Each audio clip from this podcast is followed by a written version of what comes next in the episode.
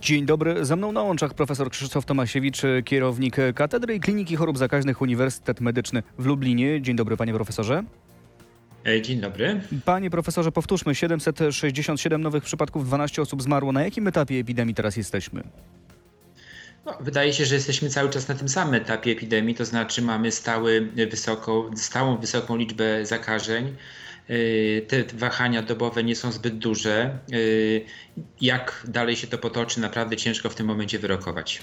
Mm, Łukasz Szumowski, minister zdrowia, już eks-minister zdrowia, powiedział, udało się ufortyfikować Polsce, Polskę w walce z wirusem, zbudowaliśmy mury obronne. Zgadza się pan z takim stwierdzeniem?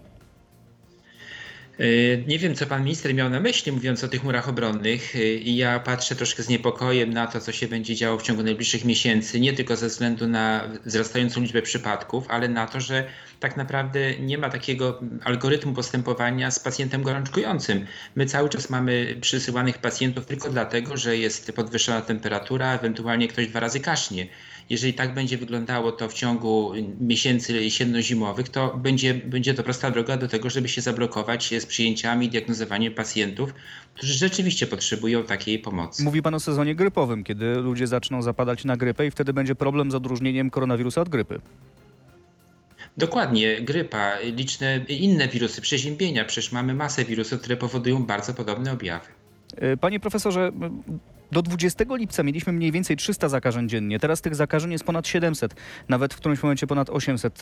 Z czego wynika Pana zdaniem ten wzrost? Znaczy, to wynika przede wszystkim z tego, że ludzie przestali y, stosować y, się do zaleceń, które były ustalone na początku epidemii.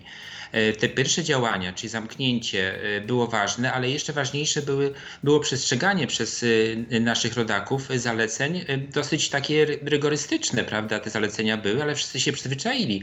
W tej chwili każdy chyba chce wymazać epidemię z, ze swojej pamięci i nawet, jak, tak jak obserwuję, już pomija maseczki, które są niezakładane, ale nawet kwestia, nie wiem, nakładania pieczywa rękawiczkami jednorazowymi, czy innych tego takich bardzo prostych i podstawowych zasad y, higieny. Panie profesorze, rozmawiamy dalej e, w RMF24.pl i w Interi.pl. Krzysztof Tomasiewicz jest moim i Państwa gościem. E, Panie e, profesorze, czy miejsc dla pacjentów z koronawirusem starczy, skoro mamy coraz więcej zakażeń, skoro no, prognozuje się, że tych zakażeń może być jeszcze więcej? Niedługo dzieci wracają do szkół i pojawiają się takie opinie, że to mogą być kolejne ogniska koronawirusa. Czy na przykład w Lublinie, na Pana podwórku, tych miejsc obawia się Pan, że zabraknie? Na razie tych miejsc jest e, wystarczająca ilość, dlatego że e, mamy dosyć sprawnie działające izolatorium, a więc e, osoby, które nie wymagają pobytu w szpitalu, są umieszczane w izolatorium, gdzie również jest nadzór lekarski.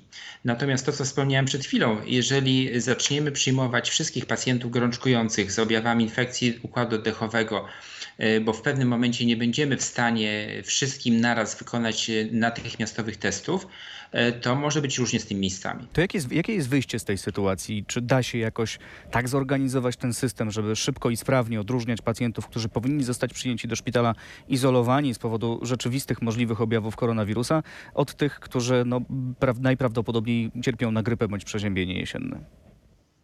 E, To nie będzie proste, natomiast tutaj kluczowe znaczenie mają lekarze rodzinni, którzy powinni na tym wstępnym etapie przede wszystkim stwierdzić, czy dany pacjent wymaga skierowania do szpitala, czy też e, może przebywać w domu. E, W tej chwili każdy pacjent gorączkujący praktycznie jest skierowany do szpitala. No jeżeli tak to będzie wyglądało na jesieni, to się nam naprawdę nie uda e, stworzyć tego systemu. Druga sprawa to jest jak gdyby no, podejście do, do każdego pacjenta jako potencjalnie zakażonego, a więc nauczenie się przez wszystkich postępowania z pacjentem tak, jakby był rzeczywiście zakażony.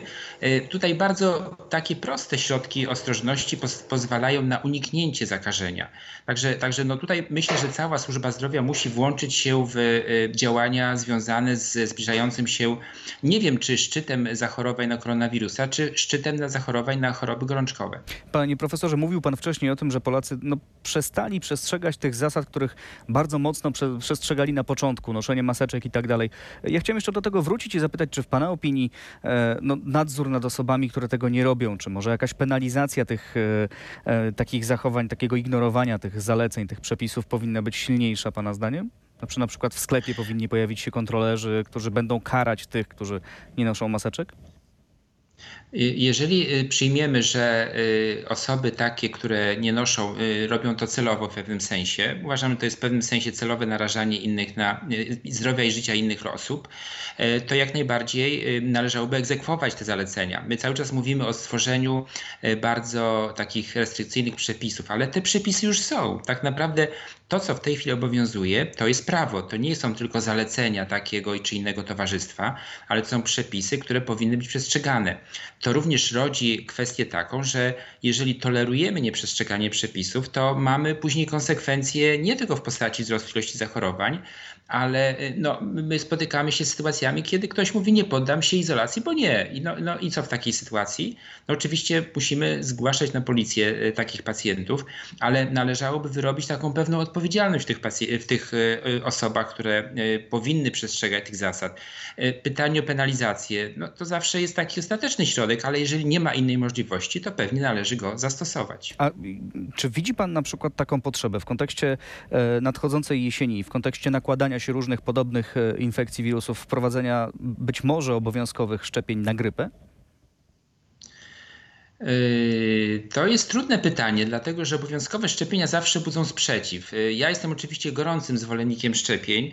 Uważam, że wszelkie wypowiedzi osób znanych, ja nie tylko myślę o politykach, ale również o celebrytach, o aktorach, o, również o dziennikarzach niektórych, yy, mówiące o tym, że te szczepienia są niepotrzebne, no, powinny być no, absolutnie traktowane nagannie.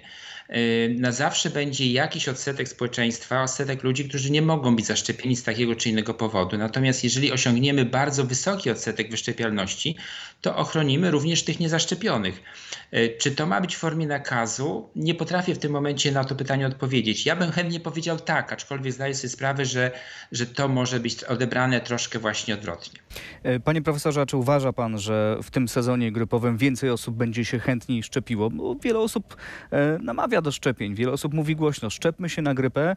E, pomoże nam to nie tylko w walce z samą grypą, ale również w walce z koronawirusem. Spodziewa się pan wielu chętnych? Ja myślę, że tak. Już w tej chwili boimy się, y, że tej szczepionki może nie starczyć. Y, tutaj też jest zadanie dla y, władz państwa, aby zabezpieczyć odpowiednią liczbę szczepionek, bo podejrzewam, że trend szczepienia przeciwko grypie wzmożony będzie nie tylko u nas, ale w wielu krajach w Europie i na świecie. Także my musimy się jak gdyby zapisać w kolejce po tą szczepionkę, tak żebyśmy naprawdę mieli dostęp do tej szczepionki, bo najgorszą rzeczą, jaką by mogła się zdarzyć, byłaby, byłaby sytuacja, gdzie my z jednej strony namawiamy do szczepienia przeciwko grypie, a z drugiej strony ktoś idzie i odchodzi z kwitkiem, bo tej szczepionki nie ma. Także tutaj trzeba już myśleć w tej chwili o tych szczepieniach przeciwko grypie. A ma pan uzasadnione obawy, by sądzić, że tej szczepionki, tak jak pan powiedział, może w którymś momencie zabraknąć, nie starczyć? Ja myślę, że no, podstaw twardych nie mam, aby tak sądzić, natomiast, y, natomiast y, wiemy, że zawsze y, rynek medyczny, czy również rynek szczepień analizuje potrzeby danego kraju w oparciu o szczepienia z poprzedniego sezonu. Natomiast u nas wyglądało to bardzo kiepsko. To było zaledwie kilka procent osób, które się szczepiły. Jeżeli nagle chcielibyśmy zaszczepić kilkanaście czy kilkadziesiąt milionów osób, to nie wiem, czy jesteśmy w stanie taką liczbę szczepionek uzyskać. Ja nie potrafię na to pytanie odpowiedzieć ale tak jak powiedziałem, to już w tej chwili ktoś na górze powinien o tym myśleć. E, panie profesorze, e, takie pytanie. Czy wysłał pan podziękowania dla ministrów e, Szumowskiego i Cieszyńskiego za ich pracę w resorcie zdrowia? No ja żadnemu ministrowi nigdy nie dziękowałem za, za pracę, dlatego że uważam, że każdy z nas wykonuje swoje obowiązki. Ważne, żeby wykonywać je w miarę rzetelnie. No, powiem szczerze, że trochę Panie mnie zaskakuje to pytanie, bo... Pytam dlatego, nie... wiem, że pana zaskoczyłem być może trochę, ale pytam tylko i wyłącznie tak. dlatego, e, dlatego, że pan premier Morawiecki stwierdził, ministrowie Szumowski i Cieszyński to uratowali polską służbę zdrowia, czyli życia i zdrowia ludzi. Jak pan się czuje, słysząc e, coś takiego od pana premiera Morawieckiego? Znaczy ja myślę, że y, jeżeli chodzi o uratowanie zdrowia i życia ludzi, to należą się podziękowania tym wszystkim, którzy e, na pierwszej linii frontu walczą e, w oddziałach zakaźnych, w szpitalach jednoimiennych, również w innych oddziałach, gdzie narażają się na kontakt z tym pacjentem. E, wiele osób czyni to naprawdę ofiarnie ja muszę powiedzieć na przykładzie swojego oddziału, gdzie u mnie pracują osoby, y, kobiety mające małe dzieci, które spokojnie mogłyby powiedzieć: Przepraszam, ale zgodnie z ustawą ja nie muszę pracować pracować w czasie epidemii, natomiast wszyscy ofiarnie pracują, ciągnąc po 8-10 dyżurów miesięcznie. E, Także, także no tutaj chyba to są głównie osoby, którym należałoby dziękować. No, w imieniu swoim i na pewno y, y, wielu Polaków, tym osobom, myślę, że gorąco dziękujemy. Y, Czy zostawienie resortu zdrowia, Pana zdaniem, w tym momencie, e, no, kiedy jednak liczba zakażeń rośnie, to jest bez kierownictwa oczywiście zostawienie resortu zdrowia, to jest odpowiedzialny ruch? No ja myślę, że to jest y, krótki wakat, bo, bo, bo to trzeba jak najszybciej y, podejmować pewne decyzje i tak jak wspomniałem wcześniej, ustalać strategię działania na najbliższe miesiące. E, Także no, z tego, co słyszymy z zapowiedzi, w tym tygodniu e, mają się, ma się pojawić następca, czy następcy, bo, bo funkcje wiceministrów również są bardzo ważne. Także, także no tutaj nie wiem, nie wiem jakie, jakie plany ma, ma premier, jakie plany ma ministerstwo. Mam nadzieję, że się wkrótce o tym dowiemy, bo tak naprawdę no, dotyczą one również bo my musimy wiedzieć o jaka będzie, jaka będzie dalsza strategia organizacji e, walki z COVID-em. A widziałby Pan na tym stanowisku raczej lekarza, czy raczej na, na przykład sprawnego menedżera, który e, zna się dobrze na zarządzaniu? To jest zawsze pytanie, czy ministrem, czy dyrektorem powinien być lekarz, czy powinien być me- menadżer, prawda? Y, Obie, obie, y, obie sytuacje, obie opcje są, mają swoje plusy i minusy, prawda? Lekarz mamy nadzieję, że lepiej zrozumie pewne problemy, y, takie powiedzmy sobie, które nie zawsze dadzą się ubrać w pewne schematy działania menadżerskiego, a więc no, wiemy, że szpital czy, czy cała służba zdrowia jest takim sobie rodzajem y, przedsiębiorstwa, ale nie zawsze tam wszystko można wyliczyć od kreski do kreski. Y, Natomiast oczywiście, no powiem tak, najlepszy byłby lekarz bardzo sprawny jako menadżer, także no, menadżer sprawny jako lekarz już jest niemożliwy. Panie profesorze, poszedłby Pan na przykład w tę sobotę na wesele? Nie, nie, to są, to są absolutnie y, sytuacje, które powinny być, y, imprezy, które powinny być y, no, ograniczone do minimum. Mam na myśli no, przyjęcie jakieś, nie wiem, związane ze ślubinami, prawda? Natomiast no, tak naprawdę większość pacjentów, którzy trafiają do nas, to są ogniska poweselne i, i tutaj wydaje mi się, że to jest, no, to nie jest chyba czas na, na, na organizowanie dużych wesel i, i, i unikanie tego, znaczy narażanie się na, na, na bezpośredni kontakt z osobami potencjalnie zakażonymi. Czyli powinno się jednak ograniczyć według Pana e, organizację wesel do absolutnego minimum lub w ogóle? Zdecydowanie tak. Ja sobie zdaję sprawę, że są osoby, które czekają na zaślubiny już parę miesięcy, ale, ale no trudno. Żyjemy w takich czasach, y, nikt sobie z nas tego nie wymyślił wcześniej, także, także no musimy się dostosować y, w różnych y, aspektach naszego życia codziennego, w gospodarce, w również opiece medycznej, a więc także i w tych zachowaniach typu zaślubiny. To A powinno być y, ograniczone. A w edukacji, w szkołach, no bo to już właściwie dzielą nas dni od e, ponownego otwarcia szkół, od- od ponownego przyjęcia dzieciaków do e, sal lekcyjnych. Czy to jest dobry pomysł, czy, czy, czy, czy no, stworzenie takich miejsc, w których e, wirus może się bardzo szybko roznosić, to jest odpowiedzialny ruch?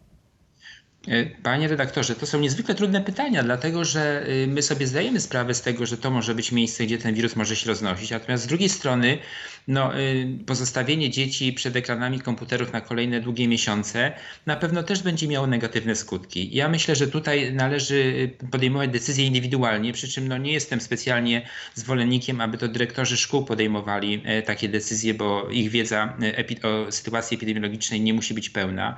Myślę, że pojawiły się wczoraj w mediach propozycje takich rozwiązań pośrednich, a więc no, coś na kształt hybrydy, prawda? A więc y, część dzieci, które nie mogą korzystać z e, edukacji online, żeby pojawiały się, pojawiały się w szkołach, y, rozpoczynanie lekcji o różnych godzinach, tak żeby te dzieci na korytarzach się nie spotykały.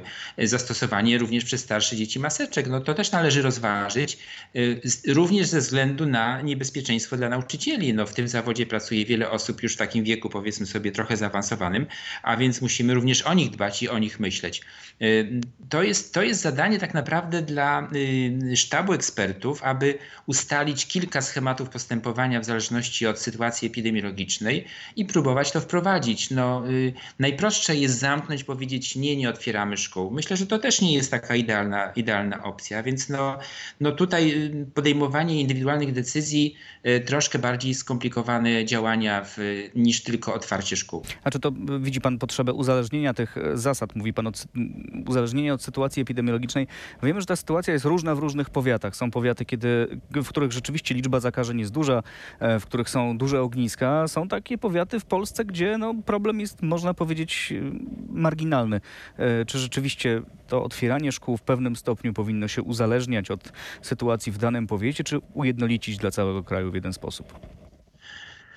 Znaczy, jeżeli mamy miejsca, mamy powiaty, miasta, nie wiem, gminy, gdzie y, tych zakażeń jest mnóstwo, no to oczywiście należy wstrzymać y, otwarcie szkoły do czasu wygaśnięcia tego ogniska, bo otwieranie w środku ogniska szkoły, no to jest proszenie się o, o dalsze szerzenie się zakażeń.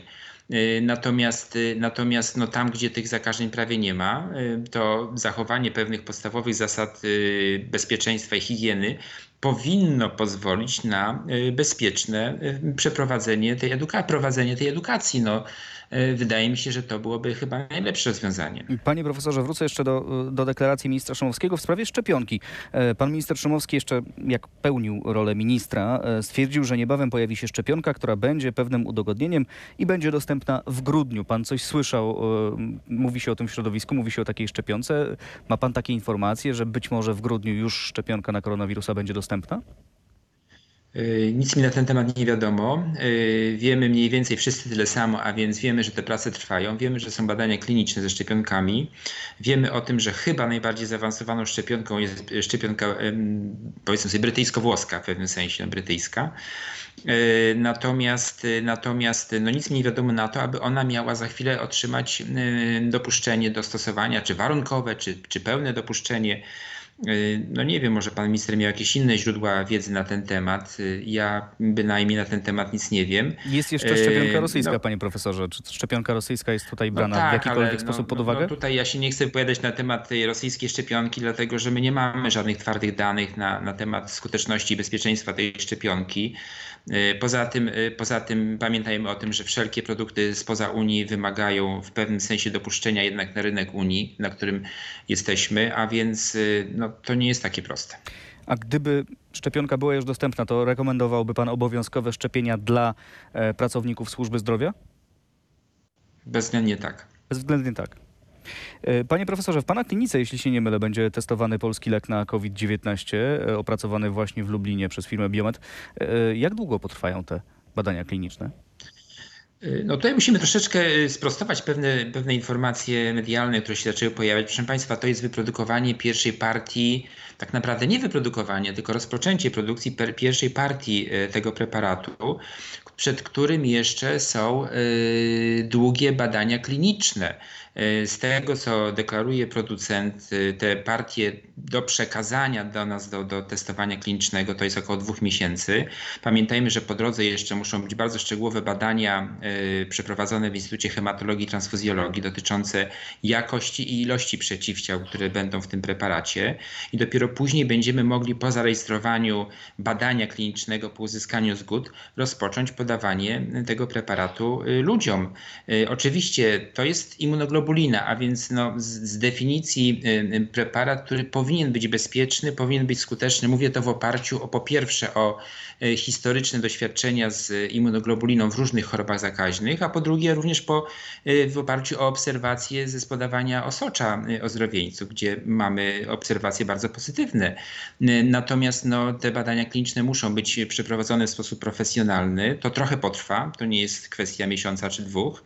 Widzicie Państwo, co się dzieje z osoczem i y, publikacja w New York Timesie, która się pojawiła chyba w dniu wczorajszym. To kiedy realnie, panie profesorze? To jest rok? To jest sześć miesięcy? Da się w ogóle to ocenić No, ja, ja, myślę, ja myślę, że jeżeli by się nam udało to wszystko zakończyć na początku przyszłego roku, byłby to olbrzymi sukces. A jak działa ten lek? Jeśli mógłby pan spróbować wyjaśnić to jak laikowi. Y, Chcemy podawać y, preparat, który zawiera przeciwciała. Przeciwciało to jest taka, taki, taki element, który produkuje nasz układ immunologiczny w odpowiedzi na obecność wirusa. Ma ono za zadanie zwalczać tego wirusa, czyli mówiąc tak bardzo y, obrazowo, unieczynniać go, no, unieszkodliwiać, troszkę na zasadzie y, zamek-klucz, prawda, łączyć się z tym, z tym wirusem i przez to hamować jego, jego namnażanie. A więc jak gdyby chcemy zneutralizować te wirusy, które są obecne w organizmie człowieka i przez to zatrzymać postęp, postęp tego zakażenia. Zakażenia. Y, Preparat zawiera gotowe przeciwciała, czyli działanie tego preparatu powinno rozpocząć się natychmiast. To jest o tyle ważne, że jeżeli my podamy za późno taki preparat, to możemy nie uzyskać poprawy stanu zdrowia pacjenta, a więc znowu dochodzimy do tego, o czym ja zawsze mówię. Najważniejsze jest właściwe podanie w odpowiednim czasie tego preparatu. A czy można Każdego stosować leku. taki preparat, preparat profilaktycznie? Y, To jest, y, to jest y, oczywiście też możliwe, natomiast w chwili obecnej my się koncentrujemy na zastosowaniu preparatu jako leku. Jeżeli badania, wyniki będą pozytywne, będziemy chcieli rozszerzyć to również o formę profilaktycznego podawania, więc znowu kolejne badania kliniczne, tym razem na zdrowych ochotnikach i obserwacje. To też nie będzie, nie będzie proste, bo, no bo, no bo jak wtedy mierzyć, prawda, kwestie y, y, zakażenia, czy tak, czy ktoś uległ zakażeniu, czy nie uległ. Także to, to nie są proste sprawy, natomiast no, y, no, wiemy wszyscy, że potrzebujemy skutecznego preparatu, stąd też te nasze informacje, które są wypuszczane do, do ludzi, żeby no, każdy wiedział, że pracujemy nad tym, że chcemy naprawdę stworzyć skuteczny, y, skuteczną terapię. To jeszcze pytanie. Y, Powiedział pan, że ten lek będzie produkowany z osocza ozdrowieńców. Jak jest z dostępem do osocza ozdrowieńców? Czy, e, czy to jest tak, no może nasuwać się taka myśl, że, e, że w pewnym momencie dostępność do tego osocza będzie ograniczona, a więc ostatecznie ilość tego leku może być ograniczona. Zgadza się? Czy, czy, czy sytuacja wygląda zupełnie inaczej? To znaczy, no zawsze ta, tą bazę będzie stanowił osocze, czyli w tym momencie, jeżeli mamy osoby zakażone, to one eliminują wirusa, natomiast pozostają w nich przeciwciała. I tutaj, jeżeli chodzi o y, dostępność do ozdrowieńców, to jest bardzo dobrze, dlatego że osoby, które przybyły zakażenie, bardzo chętnie zgłaszają się do y, centrów krwiodawstwa i krwiolecznictwa w celu oddania, oddania tego osocza. No oczywiście, jeżeli kiedykolwiek y, ta epidemia zniknie i wirus zniknie, no to już znikną również ozdrowieńcy i wtedy tego, tego osocza, osocza nie będzie. Natomiast no, na chwilę obecną to chyba jest najmniejsze nasze zmartwienie.